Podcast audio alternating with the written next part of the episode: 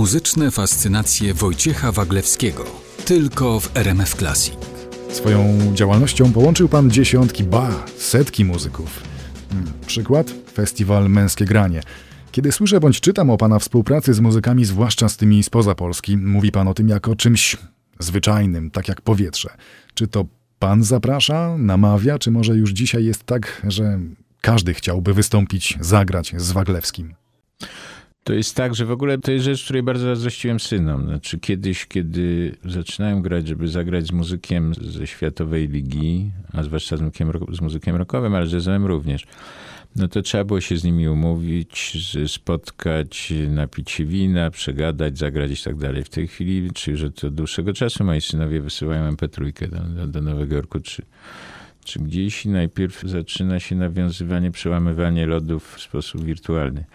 To jest i fajne, i niefajne. Ja wolę jednak ten kontakt bezpośredni. W zasadzie zawsze współpracuję z muzykami, których już spotkałem na scenie, dlatego że na scenie albo w studiu, dlatego że scena albo studio jest najlepszym moim zdaniem miernikiem i wykładnią umiejętności muzyka, a ponieważ jak już wspominałem na, gdzieś tam na początku, że umiejętności są dla mnie może mniej istotne, bardziej istotna jest taka nazwijmy to górnolotnie dusza czy serce do walki I, i ponieważ muzyka jest dla mnie jednak formą komunikowania się z ludźmi, no to ważne jest, żebyśmy, mówiąc znowu kolokwialnie, nadawali na tych samych częstotliwościach. I kiedy się udaje z takimi muzykami y, spotkać, to radość jest niezwykła. No a oczywiście w, w owym pomyśle zapraszania muzyków, czy wtedy, kiedy jestem zapraszany, czy kiedy sam zapraszam, gdzieś się coś tam czai, tli na dnie takiego, że może by coś tam, za przeproszeniem, zerżnąć z jego pomysłów, może by coś, czegoś się nauczyć, więc